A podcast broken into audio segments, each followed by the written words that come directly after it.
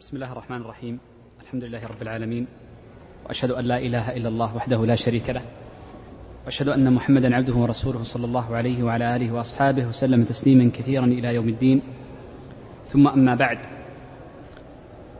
ففي هذا اليوم بمشيئة الله عز وجل نختم باب المناسك أو كتاب المناسك وما ألحق به من الحديث عن الأضاحي والعقيقة وما في حكم وما في معناهما.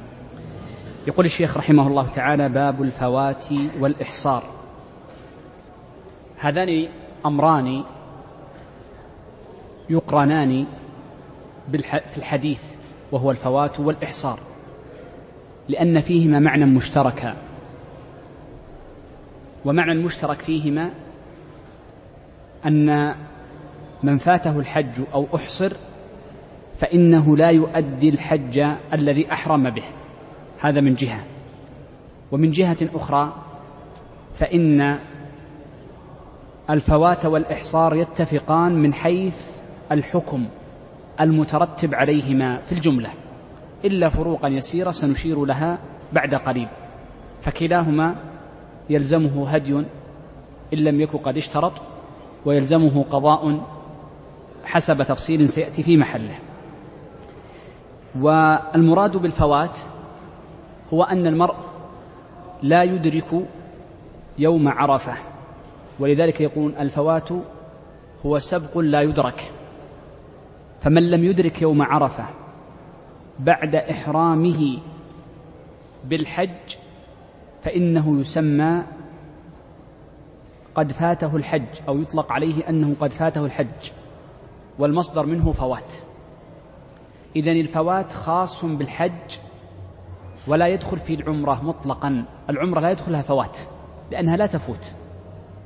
بينما الفوات إنما هو متعلق بالحج لأنه متعلق بالوقوف بعرفة. وأما الإحصار فالمراد به الحبس. فالمرء إذا حبس عن الوصول إلى عرفة أو عن الوصول إلى مكة فإنه يسمى محصرا أي ممنوعا من الدخول إليها. ولذلك فإن الإحصار يمكن أن يكون في الحج ويمكن أن يكون في العمرة معا وهذه من أوجه الفرق بين الإحصار والفوات. يقول الشيخ رحمه الله تعالى من فاته الوقوف فاته الحج. آه، قول الشيخ رحمه الله تعالى من فاته الوقوف يحتاج منا معرفة وقت الوقوف فإن من فاته منتهى وقت الوقوف فإنه يكون قد فاته الوقوف. ومنتهى الوقوف هو طلوع شمس اليوم العاشر. هو طلوع شمس اليوم العاشر. إذن الذي يصدق عليه أنه قد فاته الوقوف من اتصف بوصفين. الوصف الأول أنه قد فاته الوقوف بعرفة في, في الوقت. فيطلع فتطلع شمس اليوم العاشر وهو يوم النحر ولم يكن قد وقف بعرفة. هذا الوصف الأول. الوصف الثاني أن يكون لم يقف بعرفة ولو للحظة. فإن كان وقف بعرفة ولو للحظة لا يأخذ حكم الفوات مطلقا وإنما ربما يأخذ حكم الإحصار كما سيأتي بعد قليل. فإن المرء قد يكون واقفا بعرفة ولكنه يمنع مما عدا الوقوف في عرفة فيسمى محصرا ولا يسمى قد فاته الوقوف. إذا عرفنا أولا أن من فاته الوقوف هو من لم يقف يقف بعرفة ولو للحظة وأنه يكون لا يحكم بالفوات إلا بعد انتهاء الوقت بأن يطلع الشمس يوم يوم النحر. وأما قبل هذا الوقت فإنه لا يسمى فواتا وإن كان يغلب على ظنه أنه لن يصل. نقول ما تأخذ حكم الفوات؟ فما تأخذ حكم الفوات حتى يبدأ وقت ينتهي الوقت تماما. طيب. سم؟ لبي؟ بعد الفجر بعد طلوع الفجر. إذا أذن الفجر وطلع الفجر الصادق خلاص انتهى وقت الوقوف. ليس طلوع الشمس لا لا الفجر. هو الفجر. طيب إذا عرفنا الآن هذا الأمر. نقول أيضا الفوات لكي نفرق بينه وبين الإحصار أن الفوات يشمل المحصر وغيره.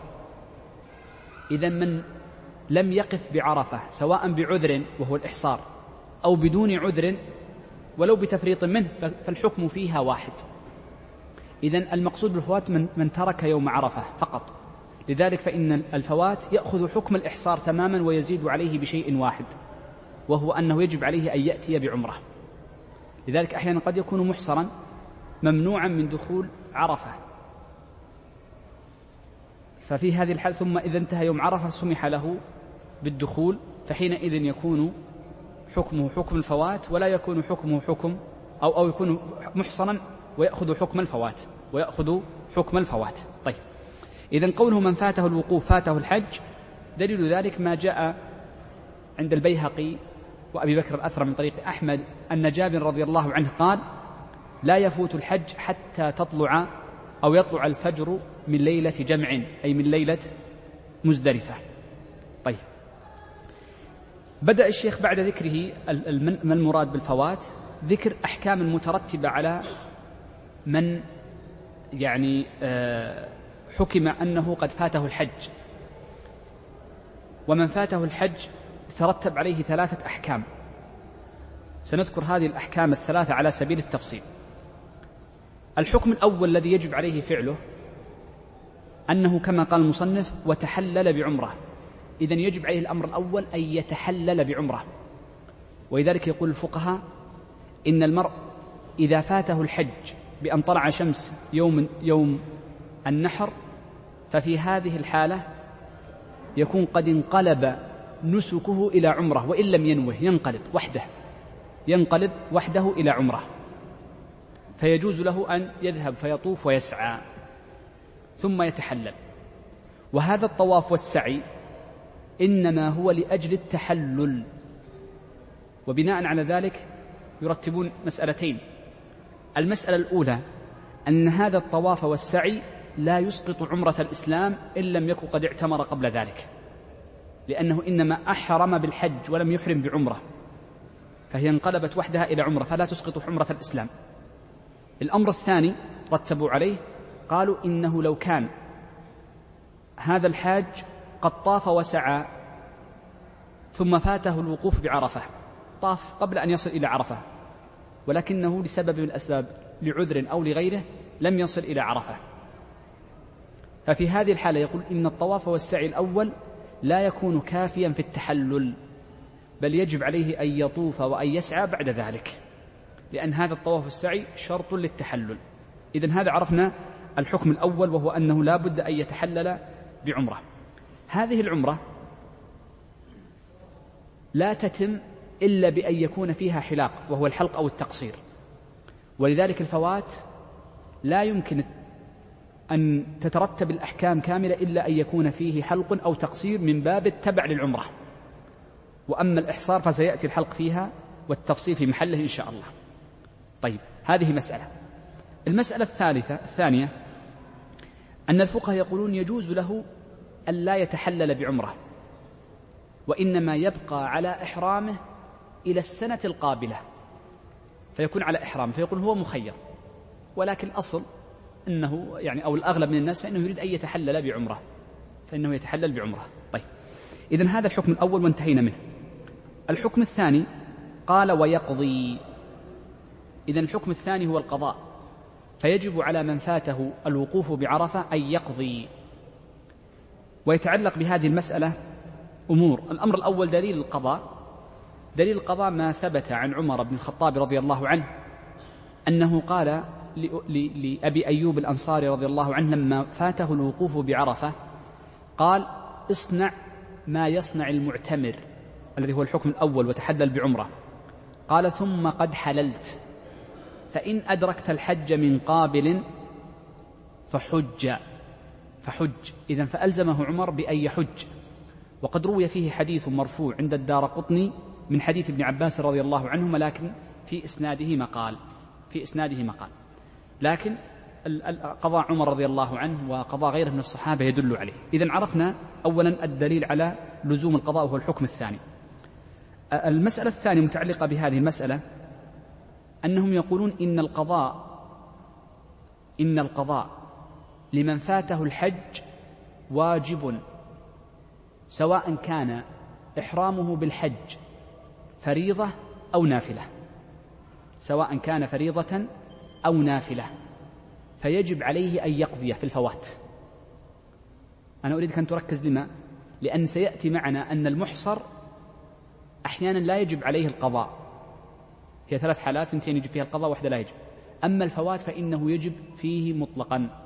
ولذلك بعد ما أنتهي في السطرين الباقيين وهي أحكام المحصر سنحاول أن نأتي الفرق بين أحكام المحصر وأحكام الفوات فركزوا فيها فربما أنسى بعضها وهذه من الفروقات. طيب إذا الأمر الثاني القضاء أنه يشمل كل حج دخل فيه وأحرم به الحاج سواء كان فريضة أو نافذة هذا الحكم الثاني. الحكم الثالث قال ويهدي إن لم يكن قد اشترط. يهدي بأن يذبح هديا يذبح هديا. وذبح الهدي يكون في أيام الحج اليوم العاشر والحادي عشر والثاني عشر. ويأخذ حكم الهدي من حيث الذبح. وبناء على ذلك إذا جاء اليوم العاشر وهو وقت الوجوب ولم يكن يرحمكم الله ولم يكن واجدا للدم فإنه يصوم عشرة أيام. العبرة بوقت الوجوب وهو يوم النحر. فإذا وجب عليه وقت النحر فلم يجده فإنه يصوم عشرة أيام. طيب.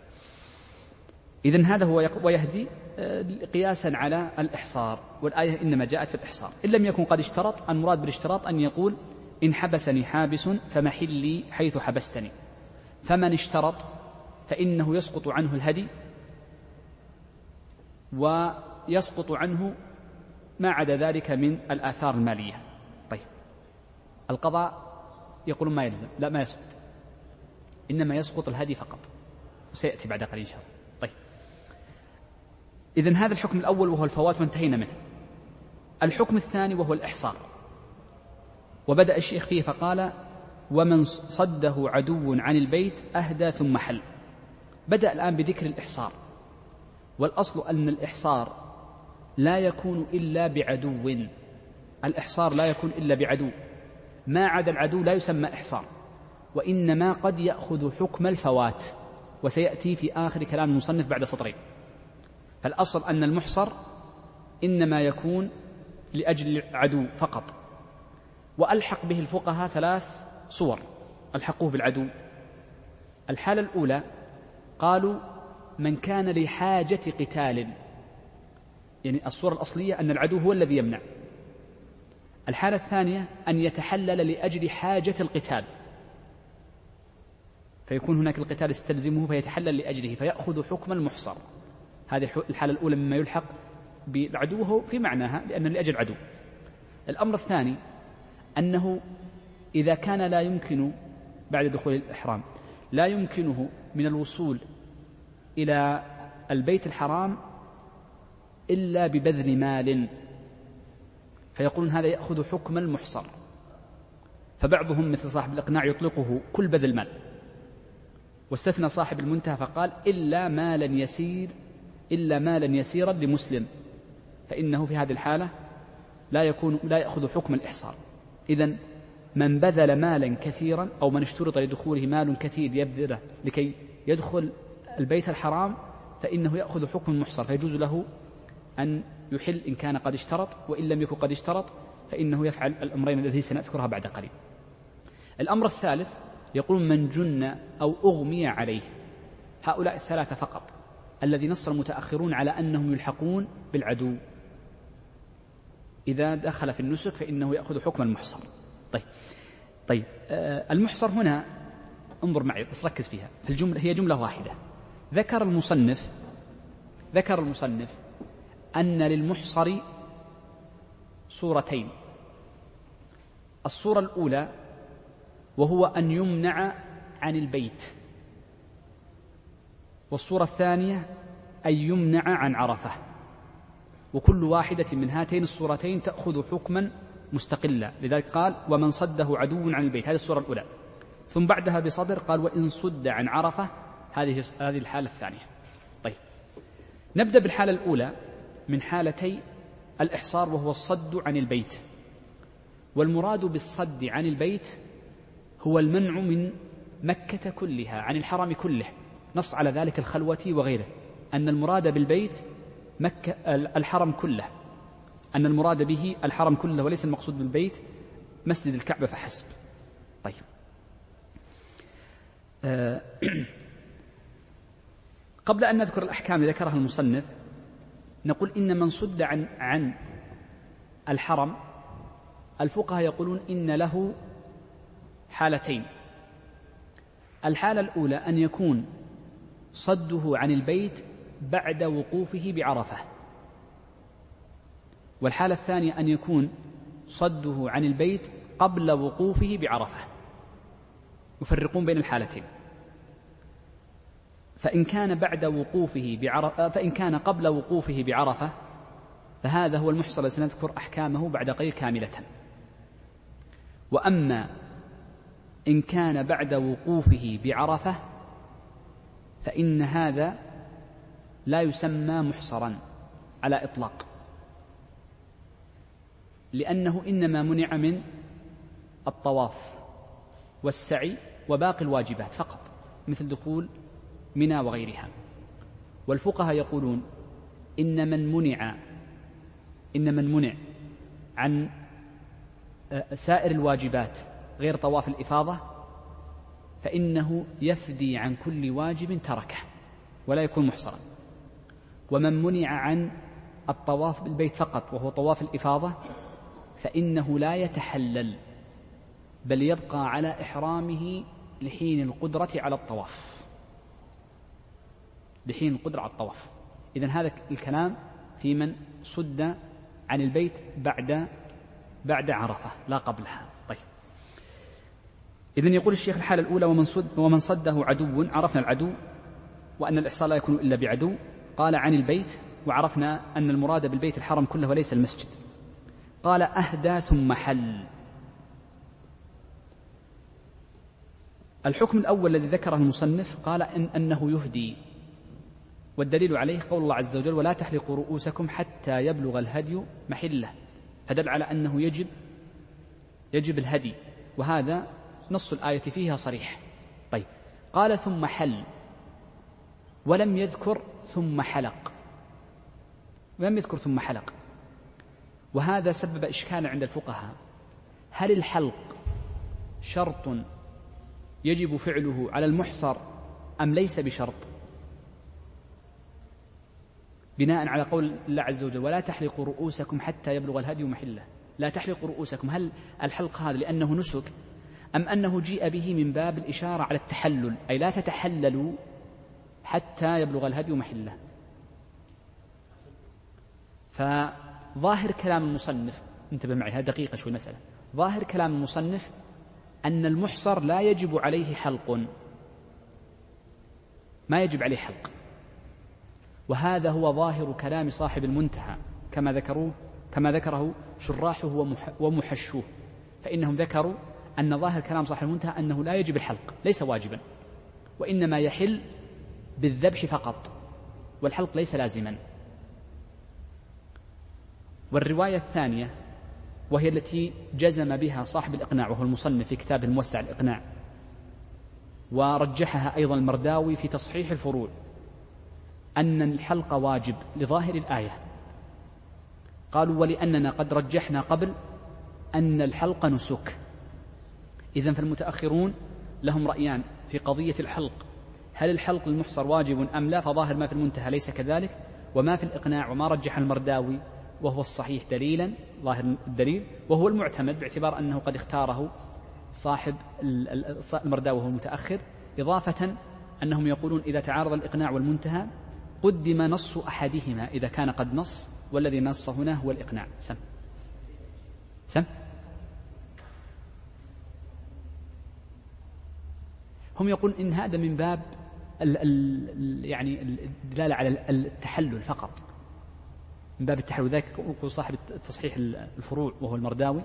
يقول هذا بناء على أن هل الحلق نسك أم أنه استباحة؟ استباحة يعني دليل استباحة للمحظورات الإحرام. فإن قلت إنه نسك ورجحنا قبل أنه نسك في الحج. وقلنا إنها من واجباتها.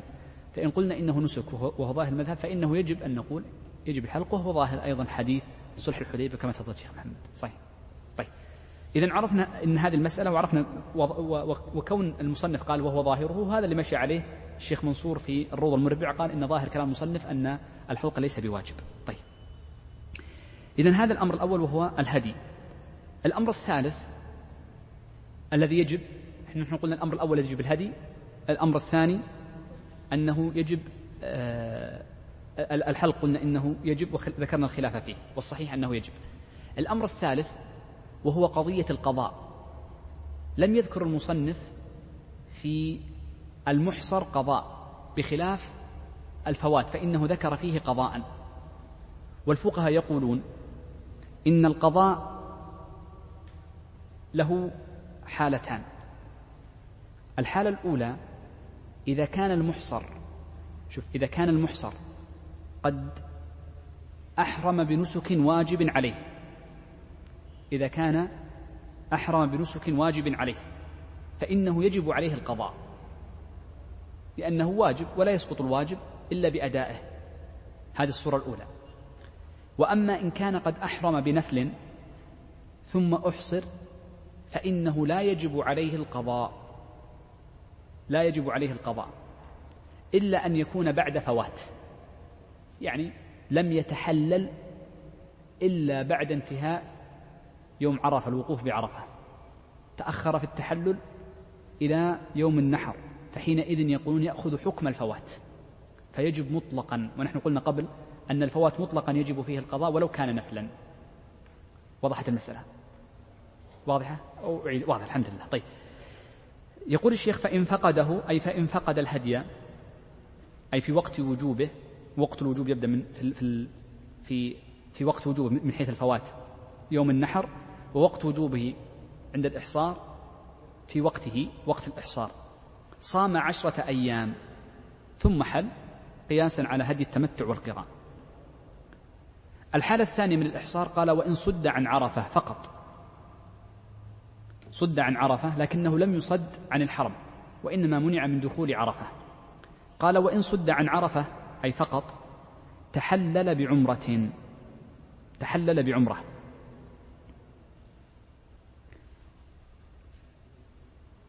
نفس يعني لأنه, لأنه قادر على الوصول لمكة فيتحلل بعمرة فيأخذ حكم يعني نوعا ما حكم الفوات وإن كان لم يتم الفوات له.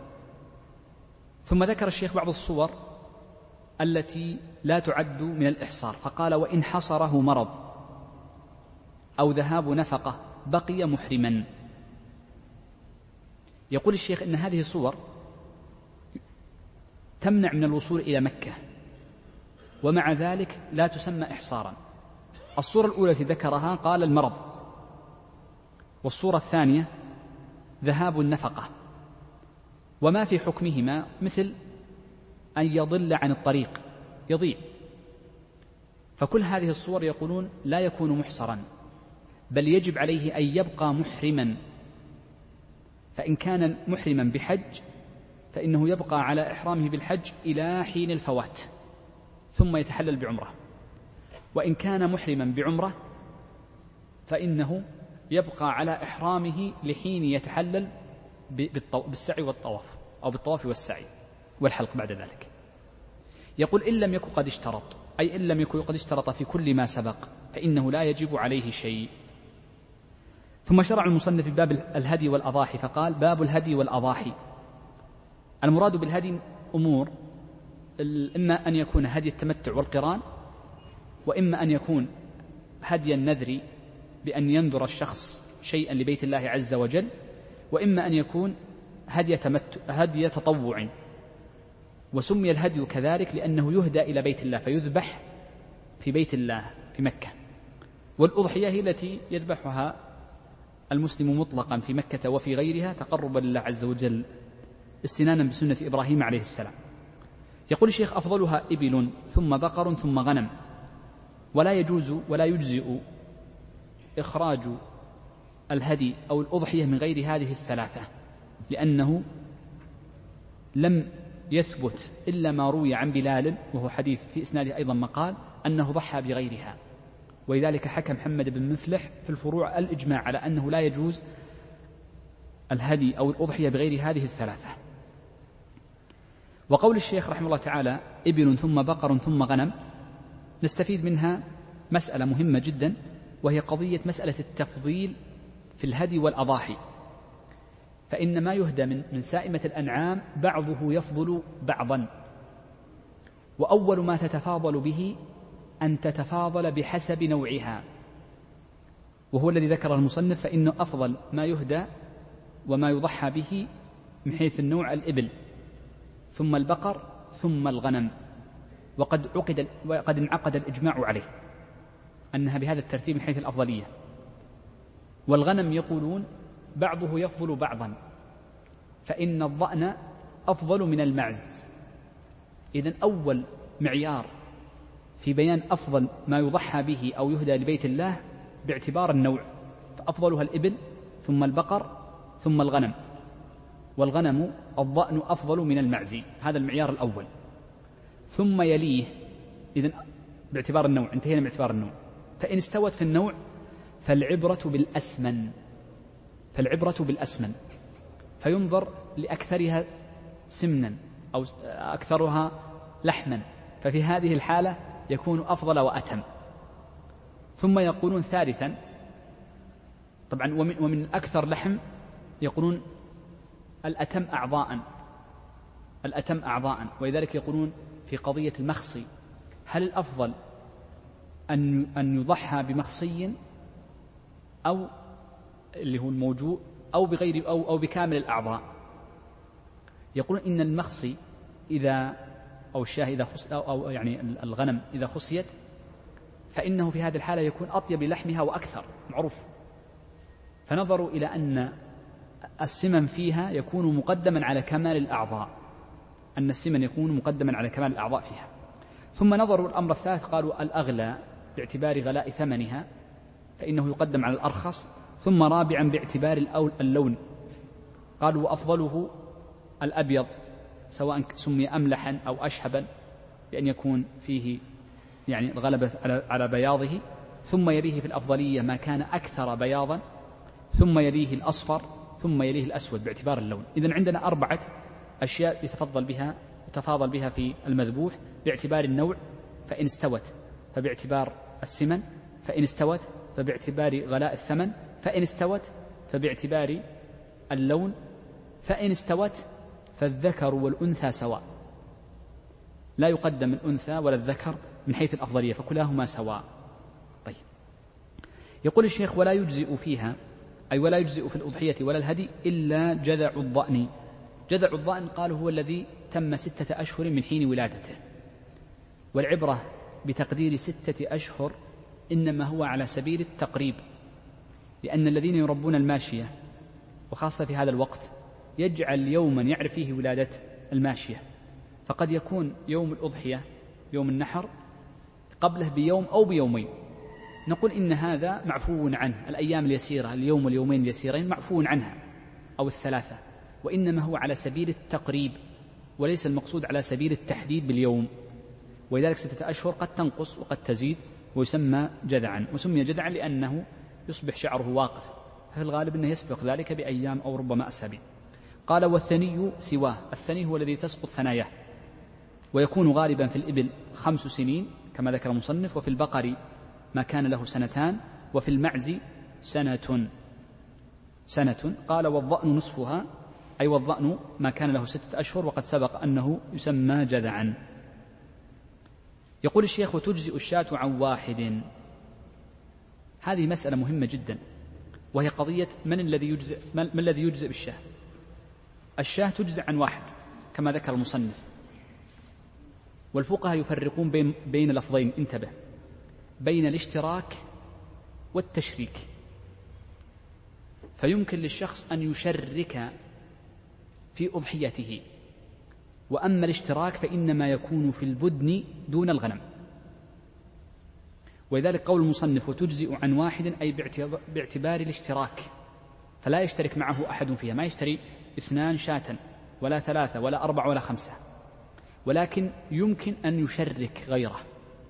ولذلك يقول الفقهاء تجزئ عن واحد وأهل بيته وتجزئ عن عياله ومرادهم بأهل البيت واحد من اثنين. إما أن يعنوا بأهل البيت أهل بيت من حيث النسب.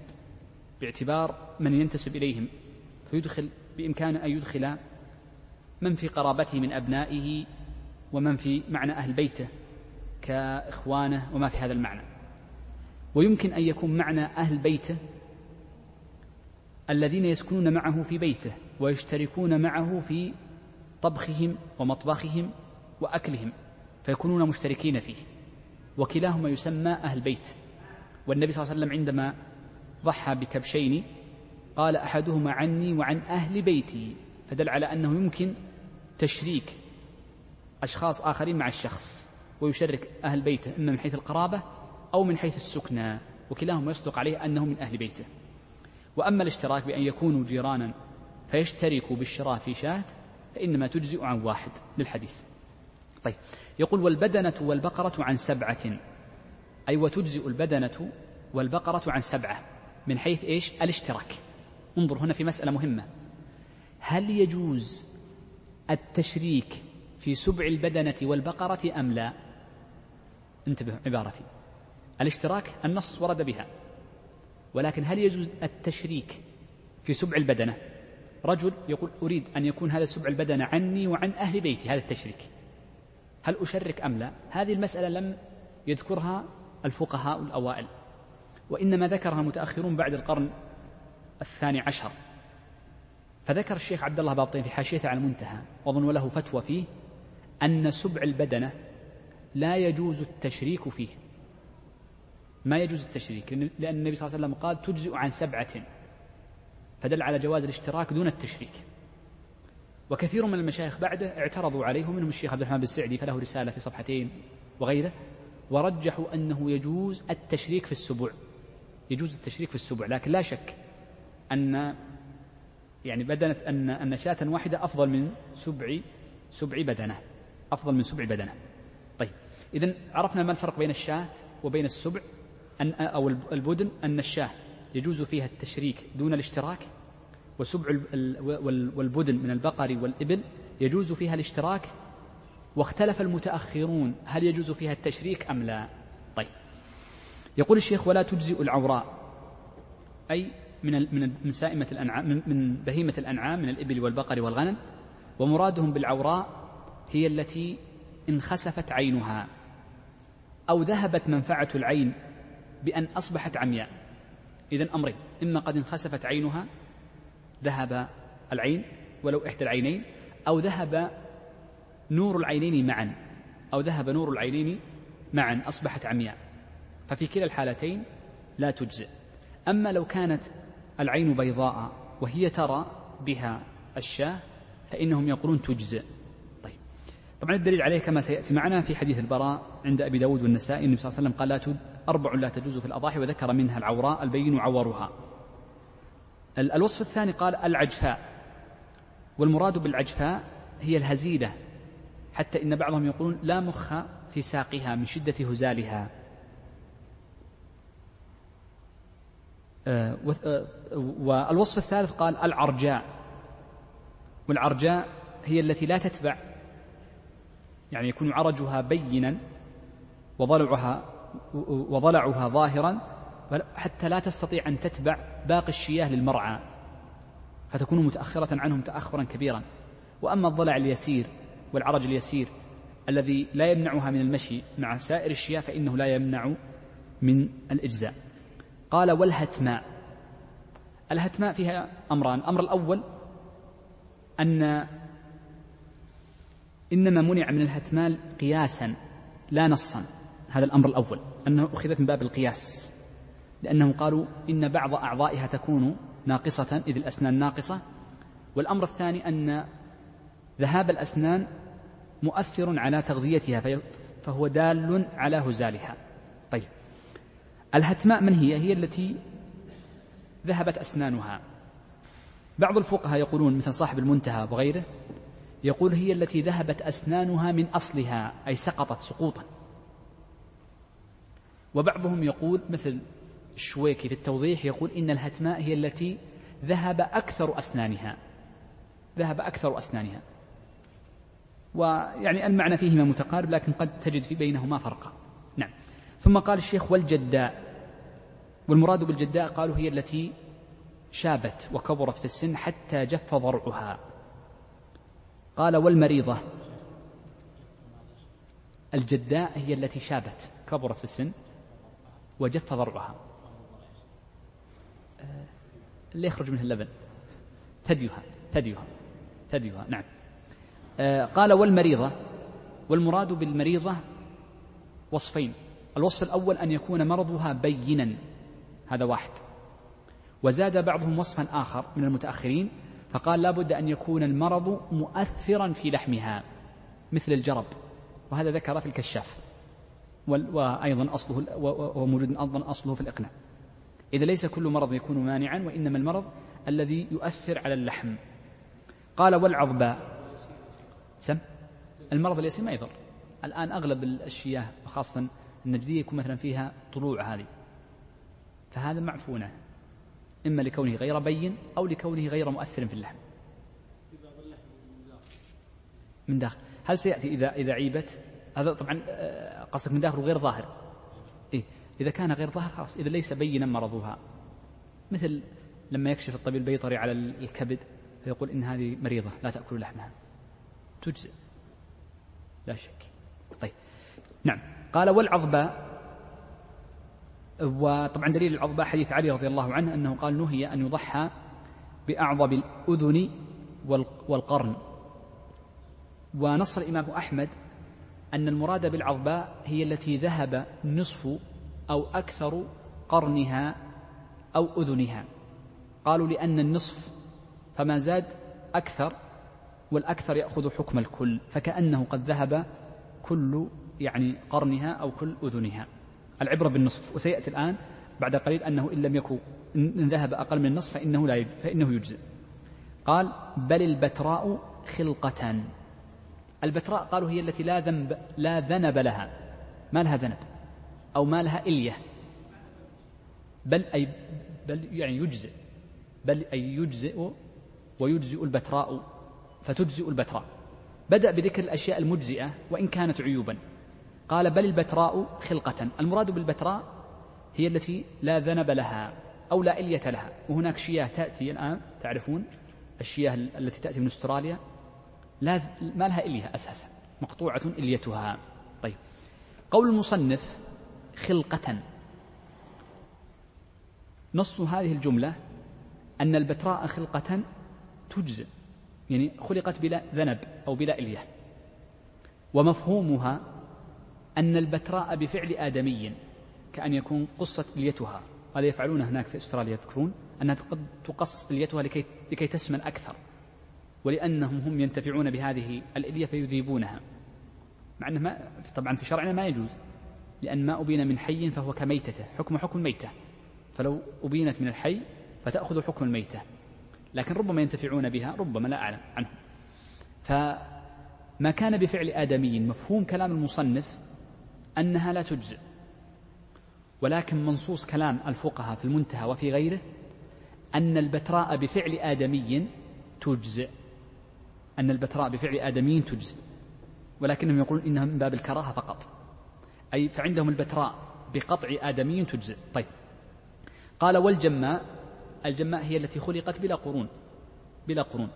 قال والخصي أي ما قطعت منه البيضتان أو رضتا أو وجتا أو غير ذلك. والنبي صلى الله عليه وسلم عليه الصلاة والسلام ضحى بكبشين موجوئين أي مرضوضين بالحجارة.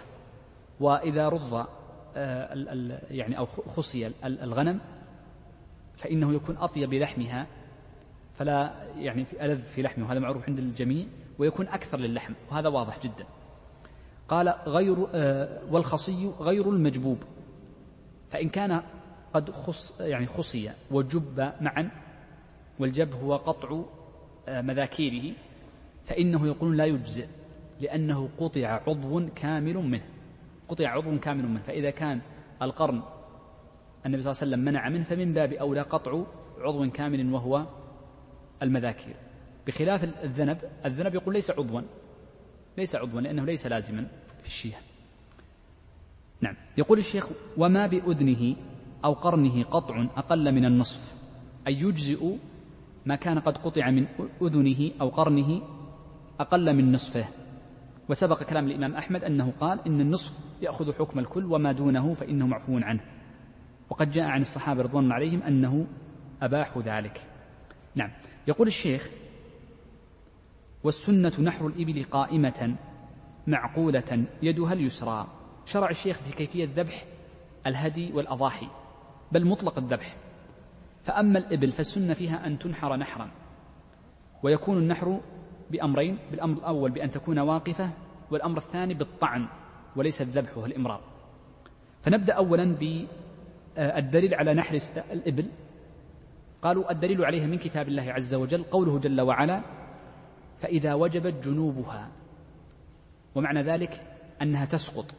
ولا تسقط الإبل إلا إذا كانت قد نحرت واقفة. فدل على مشروعية ذلك. ولما ثبت عن ابن عمر رضي الله عنه أنه نحر الإبل معقودة وقد عقدت رجلها اليسرى ثم قال هذه سنة النبي صلى الله عليه وسلم. قال ال ال نعم الوصف الأول قال إنها تكون قائمة أي واقفة معقولة يدها اليسرى فتربط يدها اليسرى مع رجلها اليسرى. هذا الوصف الأول في هيئتها حال الذبح. فيطعنها بالحربة. أو بسكين سواء جعلها حربة أو بسكين في الوهدة. قال وهي بين أصل العنق والصدر. تكون هنا تقريبا. وهي معروفة حتى حتى الآن يعني في الإبل إذا إذا يعني جاءها بعض الأمراض يطعمونها من هذه الجهة قريبة من الوهدة. فلا بد أن يعني ربما أنه يكون أقرب للدم أو شيء. فيطعنها من هنا ثم يسحبه يعني بقوة بالسكين. قال التي تكون بين الأصل بين أصل العنق والصدر. ويذبح غير ويذبح غيرها سواء من البقر أو من من الغنم أو من الشياه والمعز. والذبح إذا يكون بأن تكون على جنبها كما فعل النبي صلى الله عليه وسلم ليست واقفة وإنما راقدة وتكون على شقها الأيمن متجهة للقبلة. ثم يذبحها بإمرار سكين أو آلة. يقول ويجوز عكسها أي ويجوز نحر غير الإبل وذبح الإبل. يجوز. كله جائز للمقصود الإسالة. لقول النبي صلى الله عليه وسلم ما أنهر الدم فكل. قال ويقول بسم الله. التسمية عندهم واجبة. ومن ترك التسمية عمدا فإنه لا يحل أكل ذبيحته ولكن إنما تسقط حال النسيان فمن نسى التسمية جاز أن يؤكل منه. وما زاد عن التسمية فإنما هو مسنون. طيب. يقول ويقول بسم الله والله أكبر اللهم هذا منك ولك. طبعا التسمية والتكبير وقوله وقوله اللهم هذا منك ولك طبعا ما زاد عن التسمية هو سنة. وقد جاء عند أبي داود من حديث جابر رضي الله عنه النبي صلى الله عليه وسلم قال هذا وزاد عليه دعاء آخر. لكن هم يقولون إن هذه التسمية تكون عند تحريك الآلة في وقت التحريك ما تكون سابقة وإنما تكون عند الذبح أي عند تحريكها. قال ويتولاها صاحبها والسنة أن يتولى المرء ذبح أضحيته بنفسه لما جاء من حديث أنس أن النبي صلى الله عليه وسلم ذبح أضحيته بنفسه. وقد جاء أيضا أن النبي صلى الله عليه وسلم أمر فاطمة رضي الله عنها أن تشهد أضحيتها. وفي البخاري أن أبا موسى الأشعري رضي الله عنه كان يأمر بناته أن يشهدن أضحيتهن أن يحضرنها. ويقولون ويكون شهودها بأن يذبحها بنفسه العبرة بالذبح. وما تبع الذبح فليس هو المراد. فيكون هو الذي يذبح السلخ وما يتعلق به. هذا يجوز في التوكيل كما فعل النبي صلى الله عليه وسلم في أغلب أمره. فإن لم يمكنه ذلك حضر الذبح يحضره وإلا جاز التوكيل. قال ويتولاها صاحب أي بالذبح أو يوكل مسلما ويشهدها. وهذه هي المرتبة الثانية. كما أمر النبي صلى الله عليه وسلم فاطمة أن تشهد وأبو موسى أمر بناته. أو المرتبة الثالثة أن يوكل مسلما وتجزئ. يقول الشيخ ووقت الذبح أي ذبح الأضحية وهدي التمتع والقران والهدي المنذور لبيت الله الحرام الهدي المنذور فإنه يجب أن يذبح في وقته.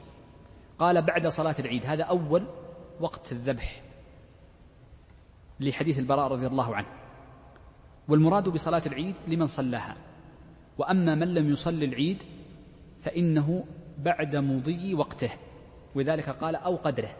أو قدره أي بعد مضي قدر صلاة العيد. قالوا فإن كان في البلد أكثر من مسجد يصلي صلاة عيد فيقولون إنه ينظر الأسبق منهما نص عليه في المنتهى الإرادات قال أسبق الصلاتين بخلاف الجمعة. الجمعة ينتقل الشخص إلى الظهر إذا فاتته صلاة الجمعة. ليس المسجد القريب وإنما المسجد الذي يلزم معه السعي.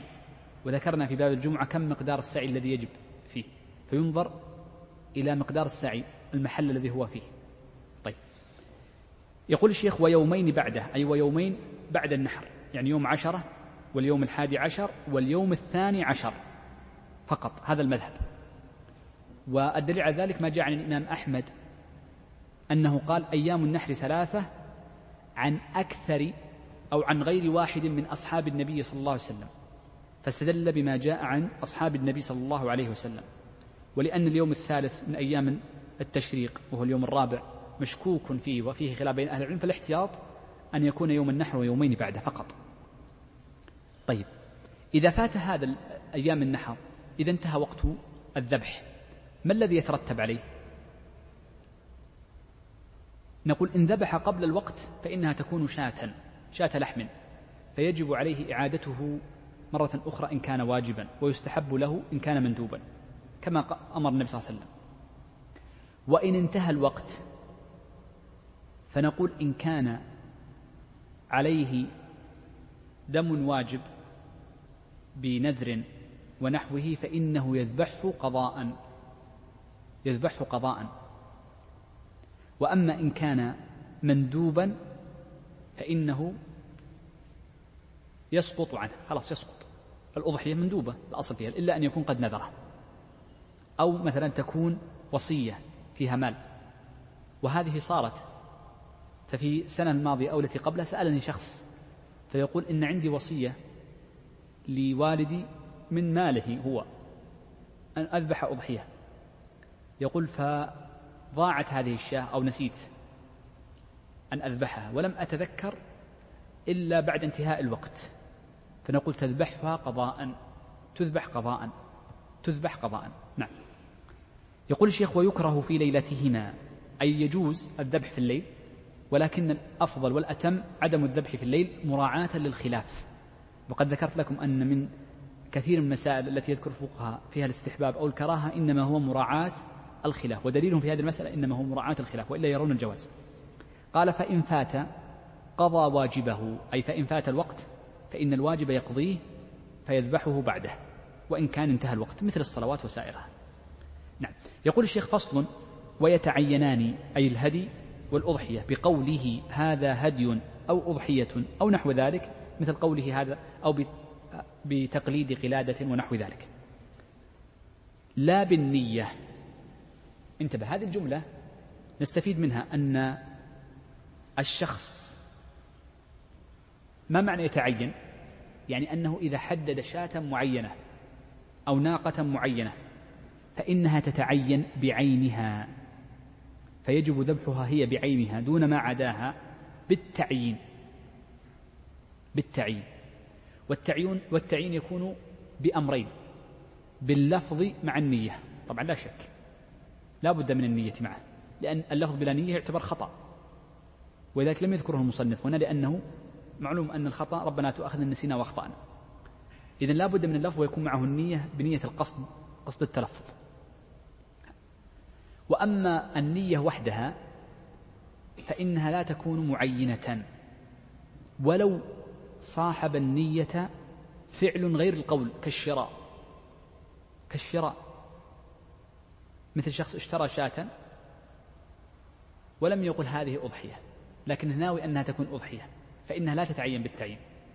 لكن لو اشترى شاة وقال هذه أضحية فحينئذ يجب عليه أن يذبح هذه الأضحية. وكثير من الناس يشتري الشاة ويقول إما للبائع أو لمن معه يقول هذه أضحيتي. إذا خلاص لزمت.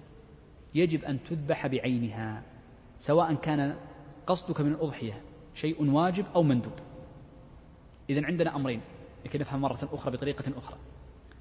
الأضحية أحيانا تكون واجبة وأحيانا تكون مندوبة والهدي يكون واجبا ويكون مندوبا. تكون واجبة بالنذر وتكون مندوبة بالتطوع. هذا من حيث الوجوب في ذاتها. اختر ما شئت من الشياه والإبل للذبح لكن نتكلم الآن عن التعيين سواء كان القصد مندوب أو آه، قصدك أو, أو, أو, أو وجوبها عليك على سبيل الحتم. إذا رأيت شاة فقلت هذه أضحيتي وقد كانت في ملكك. طبعا لابد أن تكون في ملكك. ففي هذه الحالة تكون قد عينت فيجب ذبحها. فيجب ذبحها. ولو كان قصدك الابتدائي من غير نذر وإنما من سبيل التطوع. فيجب عليك حينئذ الذبح. لا اتكلم بنفسك. لازم حرف وصوت. لازم حرف وصوت. مجرد كلام النفس ما يضر. لكن يسمع نفسه. لابد حرف وصوت. كل حكم قيل فيه لابد من كلام لابد حرف وصوت. طيب. طيب.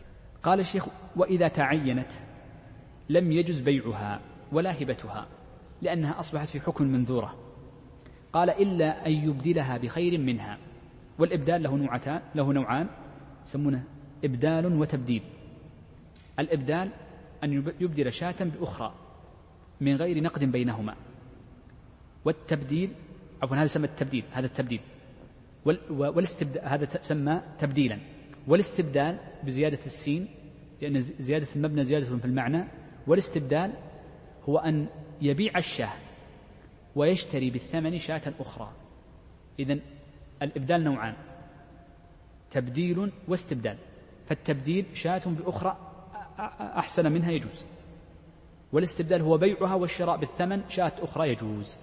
والمذهب أن كل معين سواء في الأوقاف أو في الأضاحي يجوز فيه الإبدال والاستبدال بشرط أن يكون أصلح. وهذه قاعدة المذهب مضطردة. قال ويجوز صوفها أي يجوز له جز صوفها ونحوه أي مثل جز الصوف مثل وبر يقصه إن كان أنفع لها ويتصدق به. الأصل أن الشاة إذا عينت أضحية أو هديا أنه لا يجوز الانتفاع بها. إلا شيئا يسيرا كأن ينتفع بركوبها لحاجة بلا ضرر عليها. ينتفع بركوبها لحاجة إذا لا بد من حاجة بلا ضرر عليها. والصوف الذي عليها الأصل أنه يترك إلا أن يكون فيه أذية لها كأن يكون فيه يعني بعض الحشرات مثل القمل أو القراد أو غيره. ففي هذه الحالة يجوز صوفها. إذا لابد الشرط الأول أن يكون فيه مصلحة لها يكون أنفع لها والأمر الثاني أن هذا الصوف يتصدق به لأنها أصبحت لله عز وجل منذورة. قال ولا يعطي جازرها أجرته منها. إذا ذبحها جازرها يوم الأضحى وما بعده فلا يجوز أن يعطيه من لحمها ولا من جلدها ولا من جلها على سبيل المشارطة. وإنما يجوز له أن يعطيه إياها على سبيل الهدية والصدقة فقط. قال ولا يبيع جلدها ولا شيئا منه بل ينتفع به.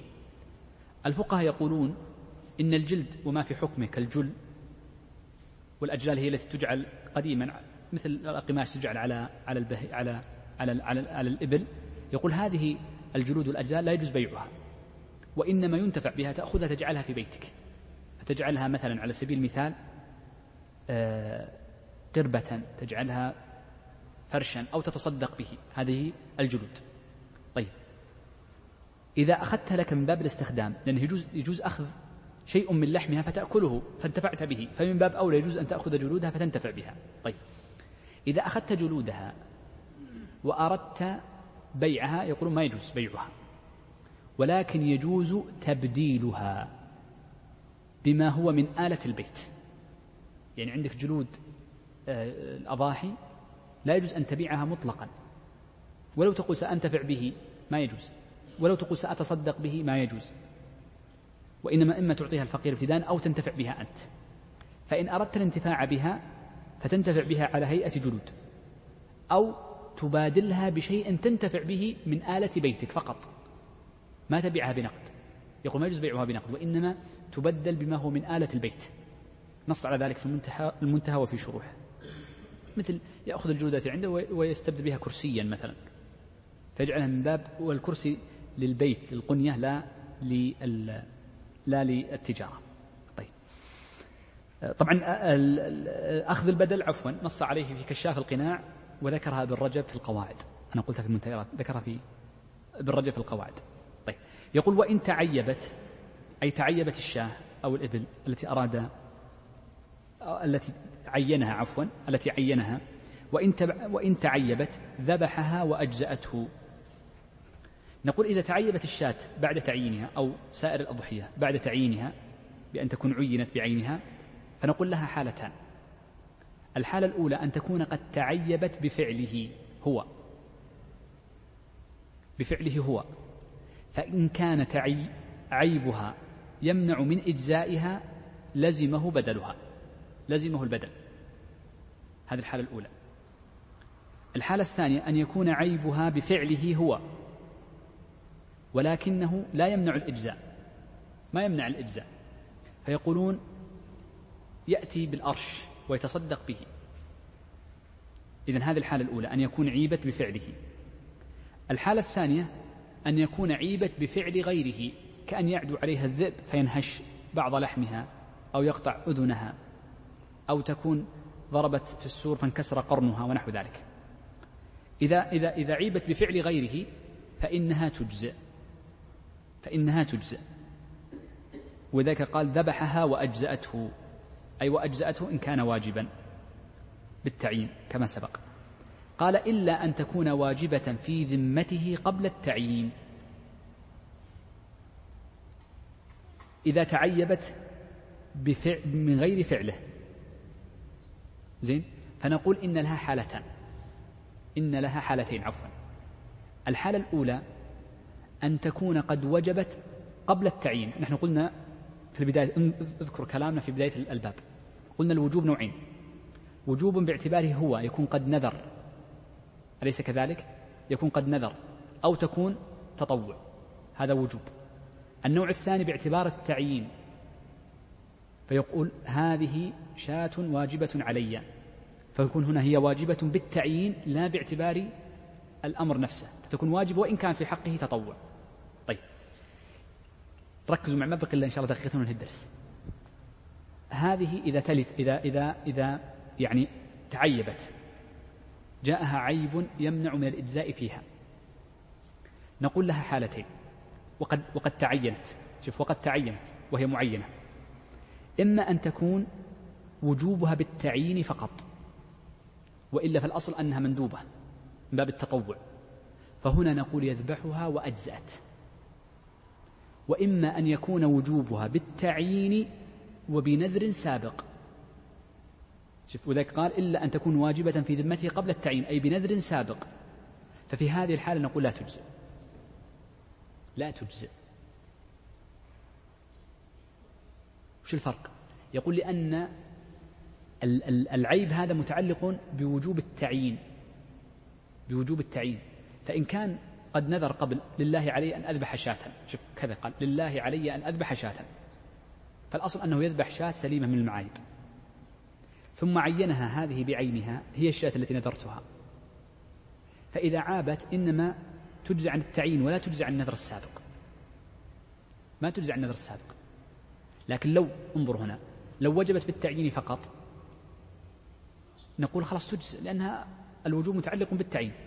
ومثله ومثله أيضا لو عينها ثم نذر هو كان متطوع متطوع يريد أن يضحي متطوع شرى شاة قال هذه أضحيتي. بعد ما شرى وحطها في البيت قال لله علي نذر أن أذبح هذه الشاة. إذا كان نذره بعد التعيين أو في أثنائه. فنقول في هذه الحالة أيضا لو عابت تجزئ لكن لو كان النذر سابق لا تجزئ ما هي واضحة؟ واضحة يا شيخ؟ زين خلاص. ما بقي إلا ثلاث سطور. سم. سم؟ ومثله عندهم مثله. يأخذ نفس الحكم. هذه هذه هذه الهدي المنذور لبيت الله الحرام يأخذ حكمه. يأخذ حكمه. وهذه التمتع والقراءة أيضا كذلك. متى تكون واجبة قبل؟ إذا قلدها. تكون واجبة فتكون في حكم منذورة. طيب. يقول الشيخ الأضحية بدأ الشيخ الآن بذكر أحكام الأضحية على سبيل ما يتعلق بها من أحكام. سنأخذ بعدها العقيقة لأن هناك فرق بين الأضحية والعقيقة. حاولوا الآن أن تفكروا ما الفرق بين الإحصار والفوات. سنذكره بعد نهاية الدرس بسرعة. ثم ما الفرق بين الهدي والعقيقة. يقول الشيخ والأضحية سنة. هي سنة آه، لأن النبي صلى الله عليه وسلم فعلها وقد جاءت أحاديث عند ابن ماجه باستحبابها وترتيب فضل لها لكن لا يصح حديث في فضلها على سبيل الفضل أو من حيث الترتيب الأجر ولكن الذي يصح فعل النبي صلى الله عليه وسلم لها. قال وذبحها أفضل من الصدقة بثمنها. هذه قاعدة عندنا أن كل زمان فاضل أفضل ما يفعل فيه هو الأعمال التي خصت به ولذلك أفضل ما يعمل في ليالي رمضان هو قيام الليل. هو قيام الليل. أو الدعاء أو الأمور الأربعة التي ذكرناها في باب الصوم. وأما في الأضحى فإن أفضل ما يتقرب إلى الله عز وجل فيه فهو إنهار الدم. ولذلك فإن الصدقة فاضلة لكن الأضحية في هذا اليوم أفضل. قال ويسن أن يأكل ويهدي ويتصدق أثلاثا لقول الله عز وجل فكلوا منها وأطعموا القانع والمعتر القانع هو الجار والمعتر هو الفقير. فيطعم جاره وقريبه وصديقه والسنة أن يقسمها أثلاثا أي ثلاثة أقسام للجميع. وهذا يشمل على قول الفقهاء الأضحية المسنونة والأضحية الواجبة كلاهما الواجب بالنذر أو المسنونة. لا فرق. ويستثنون فقط من حيث الإهداء ما كانت ليتيم فإنهم يقولون لا يهدي منها وإنما يأكل منها ويتصدق فحسب. طيب آه إنما يستثنى من ذلك أيضا صورة واحدة. قالوا ما وجب بنذر مطلق. ما وجب بنذر مطلق. قال لله علي أن أذبح شاة. فما وجب بنذر مطلق فإنه لا يأكل منه شيئا. هذا الأصل. سيمر معنا في باب النذر أن من نذر الله عز وجل شيئا وأطلقه فإنه يجب أن يكون كاملا للفقراء. يقول الشيخ انتبه هذه الجملة وإن أكلها إلا أوقية تصدق بها جاز. هذه مسألة مهمة أن الفقهاء يقولون يجب يجب وجوبا في الأضحية أن يتصدق ولو بجزء منها بظاهر الآية. فكلوا منها وأطعموا القانع والمعتر إذا يجب التصدق يجب التصدق. ويقولون إن أقل ما يقع عليه الاسم هو الأوقية. هذه عبارة صاحب المنتهى. يقول إن أقل ما يقع عليه الاسم الأوقية لأنه أقل ما يشترى من اللحم مقدار الأوقية والأوقية وحدة كيل يعني لا يحضر الآن وزنها يعني قدرها لكن لعلي أشير لها إن شاء الله في الدرس القادم. فيجب فأقل ما يسمى ذلك ولذلك من تصدق من اللحم بمقدار أوقية وهو شيء يسير لا يتجاوز ملء كف فإنه في هذه الحالة أجزأته. قال وإلا ضمنها أي فإن أكل كل الشاه أو أهدى كل الشاه ولم يتصدق بشيء منها يجب عليه أن يضمن أقل ما يقع عليه الاسم وهو الأوقية. فيشتري لحما ما يتصدق. فيشتري لحما بمقدار أوقية ويتصدق به. أو كان عنده لحم آخر أهدي له يخرج منه أوقية ويتصدق به. يجب. يجب أنه يفعل ذلك طيب آه ولذلك نص نص الشيخ عثمان بن قايد على أنه لا يجوز التصدق بأقل من أوقية. ما يجزئ. لابد أوقية أقل شيء. يقول الشيخ ويحرم على من يضحي أن يأخذ في العشر من شعره أو بشره شيئا. لما جاء من حيث مسلمة إذا دخلت العشر وأراد أحدكم أن يضحي فلا يأخذ من شعره ولا بشره شيئا. وهذا التحريم منفصل عن الأضحية لا أثر له في الأضحية. ويبتدأ التحريم من حين ليلة الأول من شهر ذي الحجة وينتهي التحريم بعد حين الذبح وهو النحر وإن لم تسلخ فيجوز أخذ الشعر والظفر. وقول الفقهاء على من يضحي المراد من بذل المال كما نص الإمام أحمد فالذي يضحي هو الذي يبذل المال الذي يبذل المال. وبناء على ذلك فلو أن شخصا بذل المال وأعطى غيره وكالة لكي يذبح عنه فإن الذي يمسك إنما هو الذي بذل المال لا الذي توكل. هذه واحدة. الفقهاء يقولون على من يضحي ومن يضحى عنه. وقصدهم بمن يضحى عنه ليس أهل البيت ما يقصدون أهل البيت. وإنما يقصدون بمن بذل له المال قال سأضحي عنك. سأضحي عنك. فقبل. لم يبذل المال بنفسه ولكن تبرع شخص كأنه وهب وهب له مالا ليضحي. فقبل. فقبوله هذا قبول للمال فكأنه هو الذي بذل المال. فقوله ومن يضحى عنه أي من بذل المال. وبعض الفقهاء المتأخرين فهم أن ومن يضحى عنه أن أهل البيت يمسكون ولكن الصحيح عند محقق المذهب أن من يضحى عنه مرادهم من تطوع عنه بمال فقبل الأضحية. نعم. يقول الشيخ فصل بدأ بذكر أحكام العقيقة قال تسن العقيقة. العقيقة سنة ورد فيها أكثر من حديث حديثان أو ثلاثة من فعل النبي صلى الله عليه وسلم حينما حق عن سبطيه وقول النبي صلى الله عليه وسلم كل غلام مرهون بعقيقته تذبح عنه يوم سابعه وقد جاءت حديث من حديث سمرة وغيره في بيان أفضليتها. وهذه مسألة مهمة في قول النبي صلى الله عليه وسلم كل غلام مرهون بعقيقته. قولهم مرهون ما معناها؟ قيل إن معنى مرهون أي مرهون سلامة الولد. مرهون سلامة الولد.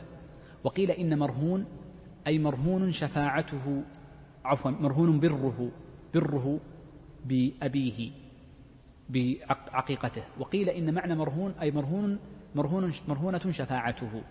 والثالث الحقيقة وإن قال به بعض الأئمة ونص عليه أحمد نقلها عن بعضهم إلا أنه حقيقة بعيد. فإن الشفاعة ليس لها تعلق بالعقيقة والأقرب كما فهم فهمت عائشة وغيرها اللي هو السلامة أن يصبح جسده سليما.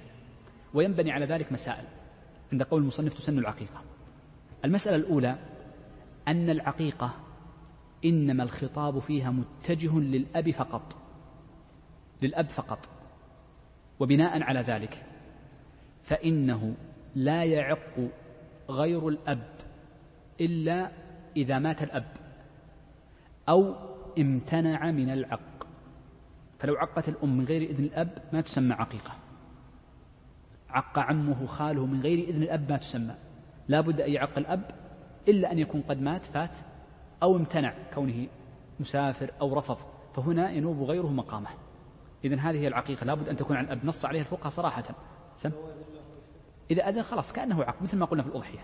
مثل ما قلنا الأضحية أو يضحى عنه أي أذن أن يضحى عنه. هذه واحدة. أي أحد أي أحد. مثل الوليمة سيأتي معنا أنها الأصل متجهة للزوج إلا أن ينوب عنها أحد.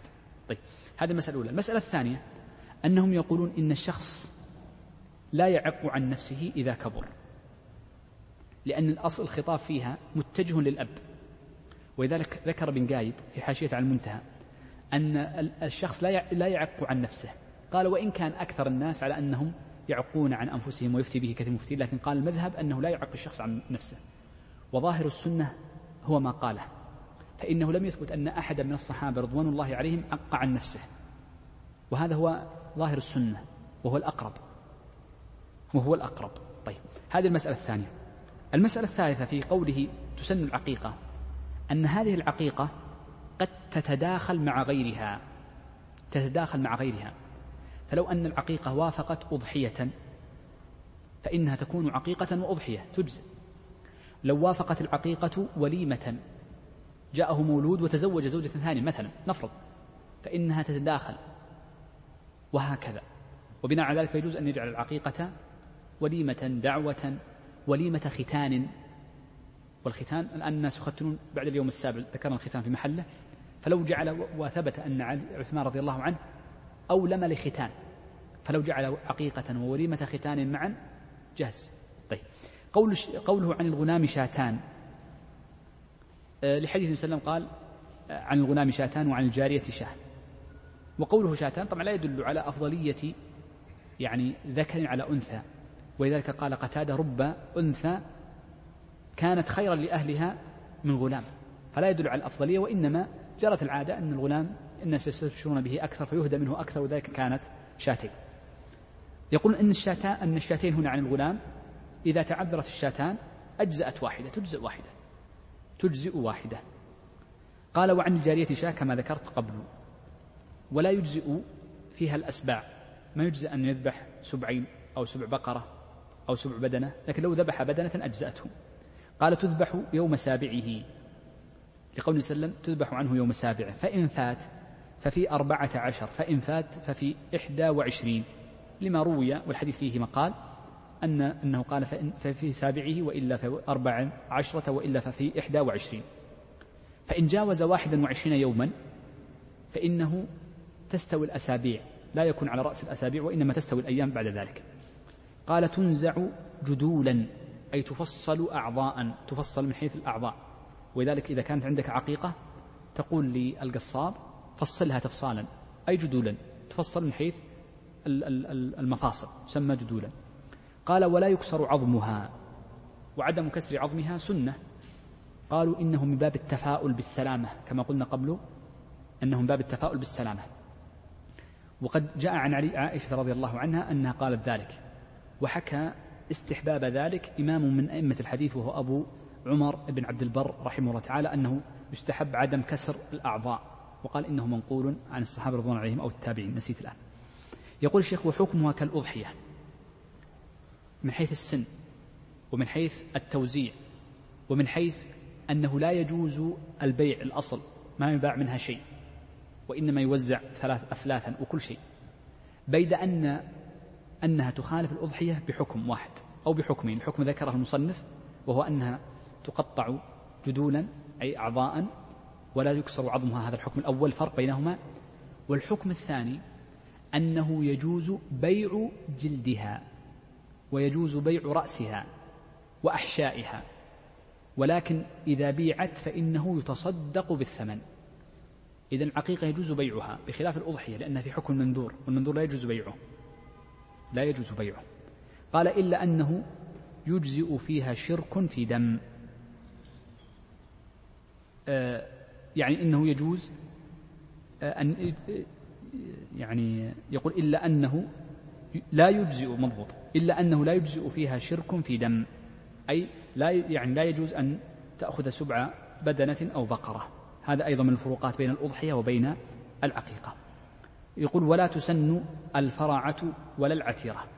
المراد بالفرعة العرب كانوا في الجاهلية إذا الناقة أنتجت فإن أول نتاجها أول ما, ما تنتجه يذبحونه لآلهتهم تقربا هاي يسمونها الفرعة. والعتيرة هي ذبيحة تذبح في رجب وتوزع على الفقراء. المذهب انتبه أنهم قالوا لا تسن ومعنى ذلك أنها جائزة تجوز الفرعة وتجوز العتيرة يجوزان. ولا يكرهان. هذا صريح عندهم. ولما قالوا إنها جائزة ولم يقولوا إنها محرمة. نقول أولا إن الفرعة أو خلينا نذكر السبب ثم نذكر ما هو التوجيه. السبب في أنها جائزة وليست محرمة ولا مسنونة قالوا تعارض الأحاديث في الباب. فقد جاءت أحاديث آمرة بهما بالفرعة والعتيرة وآثار. وجاءت أحاديث ناهية عنها. فعلى سبيل المثال فقد جاء في البخاري أن أبا هريرة رضي الله عنه قال بوب البخاري باب الفرع. قال لا فرع ولا عتيرة. وجاء مرفوع وروي مرفوعا في مسند الإمام أحمد لا فرع ولا عتيرة في الإسلام. نهي. في المقابل ثبت في مسند الحاكم من حديث أبي هريرة نفسه. زين؟ أنه قال الفرع حق. شوف حق في المقابل أنها حق. إذا في وهناك أحاديث أخرى لكن ضربت مثالين لأنها جاءت من حديث أبي هريرة. وثبت عن ابن سيرين أنه كان يذبح العتيرة في رجب. ولذلك الإمام أحمد قال لما تكلم عن العتيرة قال فعله أهل البصيرة. العتيرة فعلها أهل البصيرة كابن سيرين وغيره. ونظرا لتعارض هذه الأحاديث فإنهم وجهوها قالوا إن النهي إن النهي الذي جاء إنما هو كان لفرع الجاهلية فمن ذبح أول النتاج نتاج البهيمة لأجل الأصنام فهو شرك لا يشك أحد في منعه. وإن ذبحها شرك عفوا وإن ذبحها شكرا لله عز وجل فإنها جائزة. دائما أهل الإبل يعرفون أن أول النتاج غالي جدا جدا جدا عليهم. ولذلك يسمونها بكرة. فهو غالي جدا عليهم. فهو من أطيب المال عندك. فإذا جاءتك هذا النتاج الإبل خاصة.